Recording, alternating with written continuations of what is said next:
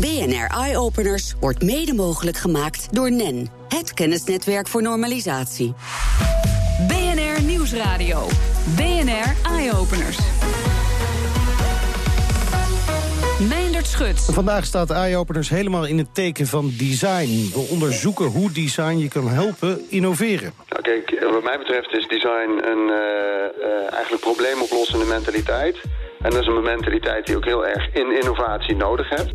En hoe design de wereld een stukje beter kan maken. Als je wil dat wij een samenleving zijn, zet dan design in. Omdat design het middel is waarop je met elkaar dingen kunt realiseren. En daar hebben we als samenleving ongelooflijk veel behoefte aan. En we horen wat je nog kunt maken van oude arena-stoeltjes. Dit zijn de korreltjes. Ja, dan worden ze kleiner gemaakt en schoongemaakt. Dan komen er kleinere korrels uit. Die worden in dit flesje gedaan, omgesmolten. En van daaruit komt een draad waarmee 3D-print wordt. Maar eerst... Een designer die de ontwerptafel voor een ambtenaarstoel heeft omgeruild. In innovatiestad Eindhoven zijn ze er dol enthousiast over. Waarom dat zo'n succes is, dat kunnen we beter vragen aan haarzelf. Welkom, Vera Windhagen. Dankjewel. Leuk dat je er bent. Eindhoven staat uh, deze week geheel in het teken van de uh, Nederlands design.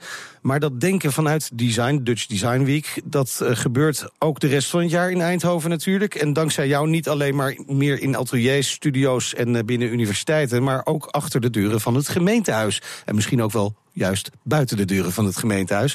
Maar toch vroeg ik me af, hè, een designer die ambtenaar wordt... is dat niet een ontzettend moeilijke combinatie, design en gemeentepolitiek? Nou ja, ik, ja ik, het, het, is wel, het was wel even wennen, maar het is... Uh het is wel heel erg. Uh, het, het, werkt. Tenminste, ik vind het wel heel leuk. En uh, ja. zoals mijn vader uh, zei toen ik de baan had. Nou heb je eindelijk een, een stabiele toekomst. Ah, kijk aan. Dus de ouders waren tevreden. De vader was tevreden. Maar is design en politiek. staan die niet een beetje tegen over elkaar? Ik denk dat het elkaar juist heel erg kan helpen. Want het gaat allebei heel erg over wat de mensen in de stad willen. En uh, beide zet je dat centraal. Ja, maar design klinkt toch als iets wat heel vlot is en vooruitkijkend.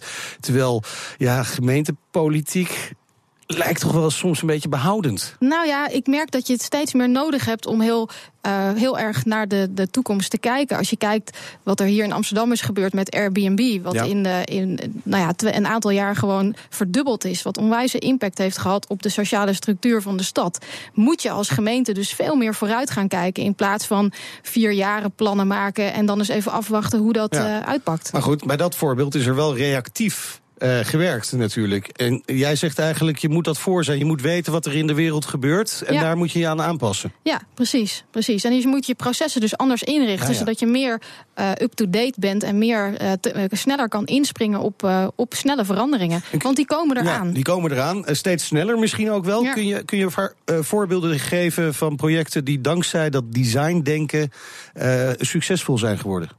We hebben één heel groot traject dat nu uh, loopt. Dat heet de Roadmap Licht in onze volksmond, zeg maar, in Eindhoven. En uh, dat is vier jaar geleden ontstaan, omdat daar uh, nou ja, in plaats van nieuwe lantaarnpalen dacht ons college, de, de gemeente zelf, uh, laten we gewoon eens kijken wat er mogelijk is, is als we slim licht inkopen ja. in plaats van lantaarnpalen zelf. Dan zit je in Eindhoven natuurlijk wel op de perfecte plek. Ja, ja dat was ook. Toevallig paste het heel goed natuurlijk bij de imago van de stad. Ja. Maar er is een hele grote tender voor uitgeschreven, een Europese aanbesteding. En dat is heel innovatief gedaan. En er zijn twee partijen uitgekomen die dat hebben gewonnen. En uh, een van de voorwaarden voor hen was dat ze moesten gaan vragen aan de stad wat voor een licht zij wilden hebben. En wat voor oplossingen met, dat, uh, met die ja, innovatieve lantaarnpalen. Ja. Want dat zijn het nu geworden.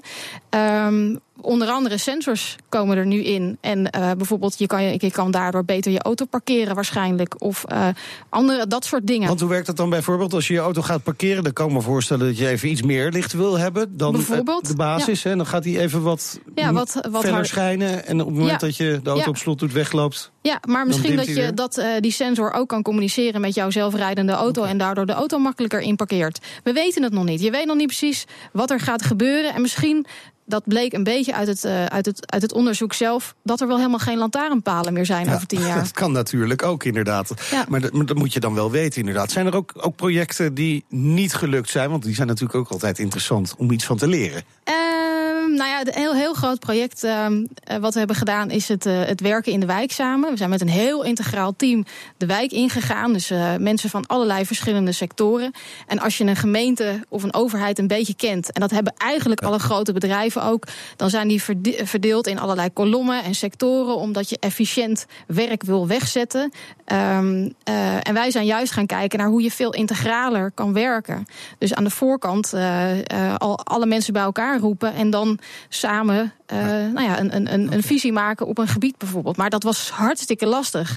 Want ja, krijg maar eens iedereen mee. Al die mensen die normaal achter hun bureau zitten en, uh, en denken: ja, het is eigenlijk Pietje zijn taak. Uh, waarom zou ik überhaupt de wijk ingaan? Dat was best wel een uitdaging. En dat ja, dat is niet zonder slag of stoot gegaan. maar het is gegaan. We spraken ook met innovatiewethouder Marianne Scheurs eh, van eh, Eindhoven. Die heb je flink enthousiast gemaakt over wat design voor een stad en eigenlijk ook de wereld kan betekenen. Luister even mee. Als je wil dat wij een samenleving zijn, zet dan design in. Omdat design het middel is waarop je met elkaar dingen kunt realiseren. En daar hebben we als samenleving ongelooflijk veel behoefte aan. En wat voor samenleving je dan wil zijn, ja, dat is natuurlijk ook een culturele vraag die je met elkaar moet beantwoorden. Maar dat je hem samen maken, dat is het mooiste van er is. En ik wens dan iedereen in Nederland toe dat ze net zulke blije guppen mogen zijn als wij in Eindhoven. Een reactie op wat ze zegt. Uh, nou ja, ik zat net te denken, uh, dankzij haar ben ik er eigenlijk. Ja, dus, dus okay. ik, ik, heb niet haar enthousiast gemaakt, maar zij heeft ruimte gemaakt. Zij heeft eigenlijk heel lang geleden, in 2004 al, gezien dat je met dat design uh, veel kan doen. En ja. nou ja, met een heel lang, lange aanloop ben ik uiteindelijk een van haar producten, zeg maar. We praten straks verder, maar eerst even naar de Dutch Design Week. BNR Nieuwsradio. BNR Eye Openers. Want daar komen design en innovatie echt samen. Verschillende hogescholen tonen onder het motto Work in Progress tijdens de Dutch Design Week hun creaties.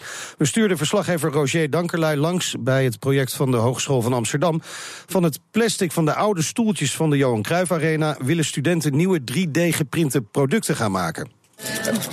Dit zijn de korreltjes. Ja, dan worden ze kleiner gemaakt en schoongemaakt. Dan komen er kleinere korrels uit. Die worden in dit flesje gedaan, omgesmolten. En van daaruit komt een draad waarmee 3D-print wordt. En zo is er van alles van te maken. Onder andere een ovale rode vaas zonder bodem. Het is een experimentje, maar om te oefenen voor de studenten. Hier hebben we het, uh, de, de stadionstoeltjes van Amsterdam Arena eigenlijk eerst tot uh, uh, granulaat gemaakt. Dat zijn kleine korrels. En die zijn door middel van een, uh, met een robotarm en een, een, een, extruder. Dus een extruder is iets wat uh, dat, die korrels uh, smelt. En is daarmee gaan printen. Dus daar hebben we eigenlijk een proef mee gedaan om te kijken, ja, kan dat eigenlijk? En dat zegt Inge Oskam, lector circulair ontwerpen en ondernemen aan de Hogeschool van Amsterdam. Dat oude plastic, dat is dus echt te herbruiken. Ja, dat is heel goed te herbruiken. Ja, dus je kunt het als, de, de stoeldelen kun je als stoel als geheel gebruiken. Maar je kunt dus ook heel goed het materiaal hergebruiken. Maar is het geen gekke gedachte. Die stoeltjes waarop uh, ja, supporters, het Nederlands elftal bijvoorbeeld, het, volkslied hebben gezongen. En uh, supporten dat die nu gewoon in andere producten komen. Ja, maar dat is eigenlijk het mooie van, uh, van dit materiaal. Het is natuurlijk zonde om dat zomaar weg te gooien of in, in andere producten te stoppen waarbij het niet meer zichtbaar is dat het uit de arena komt. En het, materiaal heeft heel veel emotionele waarde. En we hebben dus juist gekeken, kun je nou inderdaad producten maken waar, waarbij die emotionele waarde dat het materiaal in zich heeft, ja, nog, nog behouden blijft. En dus ja, voor uh, Ajax-fans of uh, mensen die inderdaad uh, het concert van hun leven hebben gezien in de Amsterdam Arena. Ja, dat ze die herinnering kunnen bewaren en, en, en ja, in de vorm van een product. En bij dat 3D-printen, wat was technisch nou eigenlijk het lastigste? Want het is natuurlijk heel oud plastic van ruim 20 jaar geleden. U moet er eerst nog achterkomen wat voor soort plastic het precies is. Ja, dus het is natuurlijk kunststof wat ooit voor deze toepassing, voor die stoeltjes is gemaakt. Nou, er zitten bijvoorbeeld brandvertragers in. En vroeger waren er andere brandvertragers die wel mochten, die mogen nu niet meer. Dus we moesten ook het materiaal laten karakteriseren, zo noem je dat.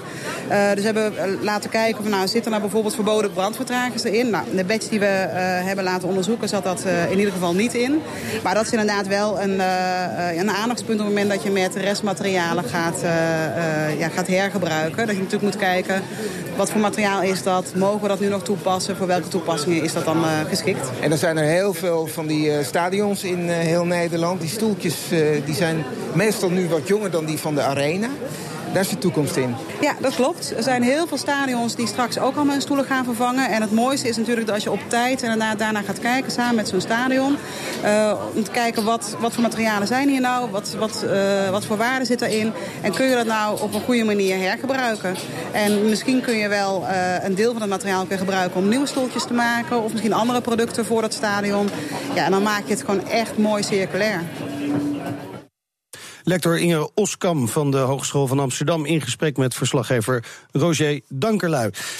En straks praten we verder met uh, Vera Windhagen van de gemeente Eindhoven. Ze is designer en hoe gaat designen nou helpen bij het innoveren, ook in een stad? Je hoort het zo meteen. BNR Nieuwsradio. BNR Eye Openers. In Eindhoven is de Dutch Design Week in volle gang. En volgens directeur Martijn Paulen valt daar ook flink wat te leren als je wil innoveren. Nou, kijk, wat mij betreft is design een uh, eigenlijk probleemoplossende mentaliteit. En dat is een mentaliteit die ook heel erg in innovatie nodig hebt. Designers zijn getraind om uh, dingen van de andere kant te bekijken, nieuwe vragen te stellen, nieuwe combinaties te zoeken, nieuwe manieren van samenwerken te zoeken. En het bijzondere wat designers uh, wat mij betreft uh, naar innovatie brengen... is uh, het, het, menselijke aspect. Dus zij zijn er echt op getraind om het mens centraal te stellen. wat gaat iemand gebruiken? Hoe gaat hij het gebruiken? In welke context gaat hij het gebruiken? Met wie samen? Voor hoe lang? En eigenlijk waar je ziet dat heel veel innovatie techgedreven is... en eigenlijk op het allerlaatst vaak over de as van marketeers gedacht wordt... hoe brengen we het naar de markt... Als je nou gaat innoveren met ontwerpers, dan zet je eigenlijk vanaf het begin af aan uh, de mens centraal. Dus zeker als je bijvoorbeeld echt naar uh, technologische innovatie uh, kijkt, is wat mij betreft techniek en design zijn gewoon twee kanten van dezelfde munt die human-centered human innovatie heet. Bij mij in de studio is Vera Windhagen, designambtenaar van de gemeente Eindhoven. Ben, ben je het eens met Martijn Paulen? Ja, ja, ja, heel erg. Want uh, als ontwerper probeer je altijd de gebruiker zelf centraal te zetten. Dus je probeert eerst te kijken naar uh, wat, wat willen mensen zelf. En daar haal je inspiratie uit. Je gaat dan niet meteen oplossingen bedenken. Heel veel mensen denken, designers, dat gaat over brainstormen en oplossingen bedenken. Ja. Maar eigenlijk doe je eerst heel goed uh, een soort van behoefteonderzoek. En, en dat, dat gebruik je als inspiratie. En soms doe je dat zelfs met mensen zelf erbij. Ja. Dus in ons geval doen we dat samen met bewoners of andere belanghebbenden in zo'n stad. En dan kom je tot een nieuw ontwerp ja. samen. En wordt dat menselijke aspect vaak vergeten? Uh, veel vaker dan je denkt. Of mensen hebben vaak heel veel beelden bij uh, wat anderen vinden of wat anderen uh, zouden vinden. Maar dan hebben ze het eigenlijk niet helemaal gecheckt. Want eh, ik kan me voorstellen dat er eh, technisch bijvoorbeeld heel veel mogelijk is. Uh, hij heeft het over techniek. Uh, waarbij je dan toch, als je dat gaat invoeren en het menselijke aspect niet meeneemt, dat je toch de mist in gaat. Ja, dus de, de gevalletje techniek was de oplossing, maar wat was de vraag ook ja, alweer? Precies. Ja, ja. ja. Nou ja, ik zit even te denken, hebben we voorbeelden?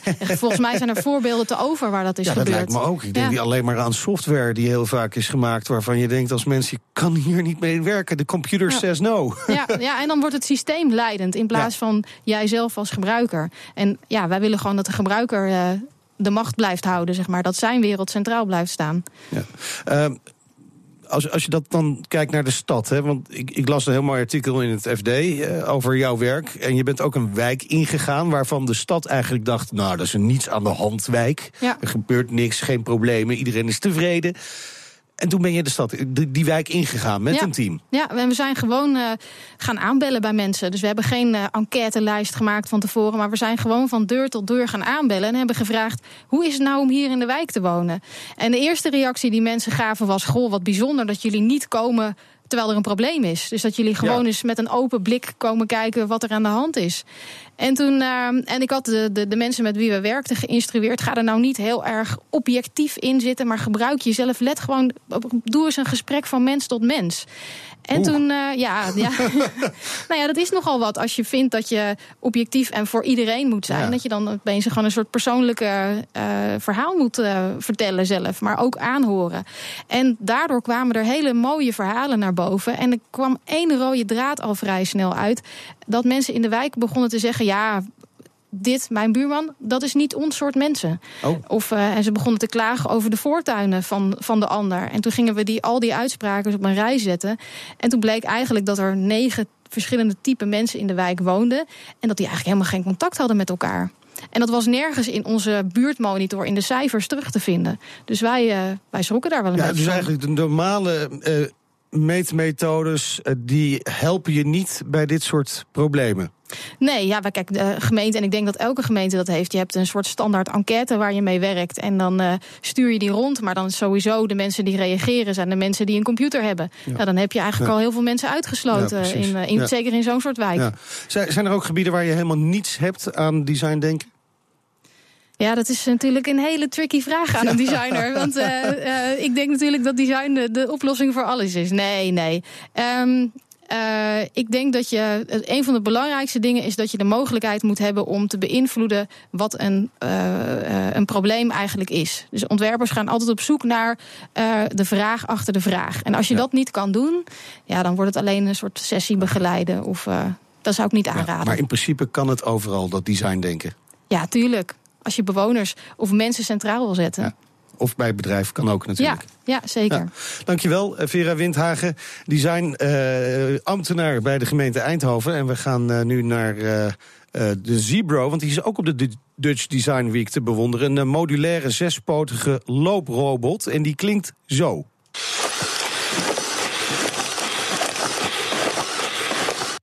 Ja, klinkt nog niet heel erg aantrekkelijk, maar de geestelijk vader van deze zwermrobot is Chris Verhoeven, universitair hoofddocent aan de TU Delft. En voor de duidelijkheid, ik zeg dus geen zwemrobot, maar een zwermrobot. Welkom in de uitzending. Goeiedag. Ja, je hebt het idee bedacht. Hoe kwam je daarop? Uh, nou, het is eigenlijk zo dat uh, een robot met pootjes, vier pootjes dan was al in Amerika ontdekt. De Rex heette die.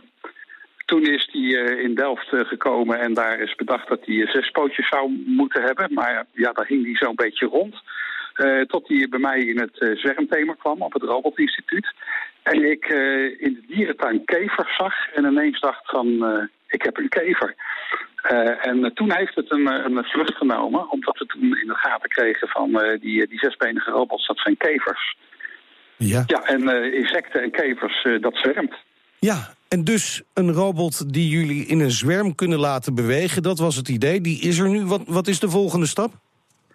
Uh, nou kijk, uh, je kan ze in alle soorten en maten maken. Dus groot en ja. klein. Dus, uh, dus de robot die, die trouwens vandaag niet op de Dutch Design Week te zien is... omdat er een in brand gevlogen is. Oh, dus we zijn nu aan het kijken van, kom, hoe komt dat? Ja, maar, ja, maar dat is innovatie, dat... daar kunnen dingen misgaan.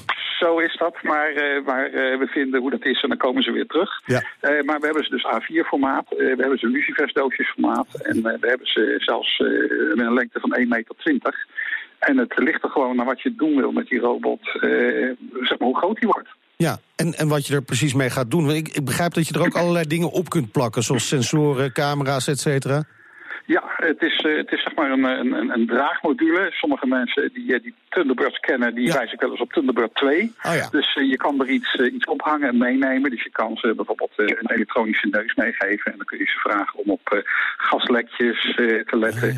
Oh je kan ze naar voorwerpen laten, laten zoeken. En het leuke is dan dat je kan, je kan bijvoorbeeld zo'n lucifersdoosjes formaat robot. Daar laat je er gewoon een stuk of 500 een gebouw inlopen. En die, die, die zwerven gewoon rond. Dus op een gegeven moment heb je er ook wel één lopen. En uh, ze zijn zo klein, dus je kan er niet over vallen. Okay, je kan ze ja. niet kapot trappen. Maar ruikt er dan eentje bijvoorbeeld brand of een, of een lekkage... dan zet hij een bakentje aan. En dan zijn buurman die ziet dat en die zet een bakentje aan... en die zegt van ik zie een robot die iets gevonden heeft. Die buurman zet ook weer een bakentje aan van ik zie een robot die een robot ziet. En dat zou je nummertjes kunnen geven. Dus het begint bij nummer 0. En dan zeg maar aan de ingang van het gebouw... daar staat dus een robot die zegt wij hebben iets gevonden en ik ben nummer 100... En dan hoef je alleen maar van 100 naar 99 naar 98 gelopen. En dan word je rechtstreeks gelijk naar waar je wezen wil. En daar zit verder geen intelligentie in. Dus zeg maar de robot die nummer 80 heeft, die zegt van ja, weet ik veel. Ik zag een 79. en toen werd ik maar 80. Ja, ja. Dus, uh, dus dat is de intelligentie die erbij zit. Ja. En, uh, en daarom... Uh, uh, kan dat gigantisch uitgebreid worden. En, en nou is het de bedoeling natuurlijk om dit eerst wel even grondig te testen. Ga, gaat er binnenkort een zwerm robots door Delft wandelen? Ja, eigenlijk is het zo dat uh, de robots die, die te zien op, zijn op de Dutch Design Week, als, als, als, weer, als ik weet wat er met die een aan de hand ja. was, die zijn eigenlijk gemaakt om in Delft gewoon te zwermen. Dus het is de eerste onafhankelijke zwerm die helemaal niks anders nodig heeft dan zichzelf om rond te kunnen hangen. Uh, en ja, dan willen we ze gaan perfectioneren. Dus dan uh, willen we kijken van hoe reageren mensen erop? Hoe reageren robots op de mensen? Uh, zodat we ze kunnen domesticeren, zeg maar huis, huisdier ja. maken. Dat je dus, als je ze tegenkomt, dat je merkt dat eerst zijn ze een beetje bang van je. Maar als je een beetje gedraagt en zo, dan kun je ze lokken en dan komen ze bij je. Uh, en dan uh, ja, gaan we gewoon kijken hoe we dat gedrag, uh, ja. gedrag voor elkaar krijgen. bij mij in de studio is nog Vera Windhagen, die designambtenaar van de gemeente Eindhoven. Hoe zou jij dit proces ontwerpen? Oh, dat is een lastige vraag. Nou ja, wat ik heel leuk eraan vind, is dat je eigenlijk de toekomst dichterbij haalt. Ja. En eigenlijk heel voorstelbaar maakt. En dat is wel een. Uh, dat helpt altijd heel erg om, uh, om mensen verder te helpen. Dus je, je, je kan daardoor ja, gewoon veel, veel sneller innoveren. Ja. Dat vind ik er heel leuk aan wat ik nu hoor. Ja. Uh, nou kan techniek natuurlijk ook een bedreiging voor ons zijn. Kunnen, zijn, zijn deze robots hackersproof bijvoorbeeld? Chris Verhoeven? Ja, nou, het is, is, ten eerste als je het hebt over inspiratie, hè, dan zeg ik altijd, het zijn gewoon dieren. Hè. Er komen nieuwe elektrische dieren bij. Volgende ja. stap in de evolutie. En de maatschappij is altijd in staat geweest om, uh, om dieren op te nemen en ja. huisdier te maken en dan een taak te krijgen. Ja, en, en, daarna kun je er dus ook dieren op projecteren. Dat, bijvoorbeeld als jij op een paard zit en je staat aan de rand van de ravijn en je zegt spring, dan zegt het paard spring zelf maar. Ja. Hè, dus, dus dat heeft daar een eigen mening over. Uh, en uh, zo is dat ook met, uh, met, met de robotjes. Zo kun je bijvoorbeeld met die robotzwerm... Okay. kun je dus ook hebben dat die robotzwerm aan bepaalde dingen gewend is. Zeg maar, sommige mensen die beginnen dan over blockchain en dat soort zaken. Dus je kan, je kan bijvoorbeeld zo'n robotzwerm niet alles wijs maken. Omdat de robotzwerm bijvoorbeeld kan weten van... ja, maar dit klopt niet met het verleden. Okay. en, en op dit moment wordt zeg maar, zoiets als blockchain gezien als de, als de volgende stap in, in data veilig maken. En toch overal beschikbaar. Ja. Heel spannend. Dus, dus, dus, je kan zeggen, die robotjes die zijn een manifestatie van Internet of Things. Hè. Dat zijn ja. dus die sensortjes die overal rondhangen die het, en, en het opnemen. En daarna is natuurlijk een mechanisme nodig dat zegt van, uh, is dit nou onzin? Is dit consistent met de rest of niet? Ja, en daar worden ook de technieken voor ontwikkeld. Dus dat gaat eigenlijk hand in hand. Dank Chris Verhoeven, universitair hoofddocent aan de TU Delft. En ze zijn ook al bezig met zo'n robotje voor richting de maan. Ja, dan gaan we het heelal ook veroveren daarmee. Daarmee zijn we aan het einde gekomen van uh, deze uitzending van uh, BNR Eye Openers. Je kunt ons natuurlijk uh, terugluisteren via de podcast, via Spotify, iTunes. En je kunt ons volgen via BNR Innovatie. Dan kun je twitteren en alles volgen. En je hoort ons in de toekomst. BNR Eye Openers wordt mede mogelijk gemaakt door NEN, het kennisnetwerk voor normalisatie.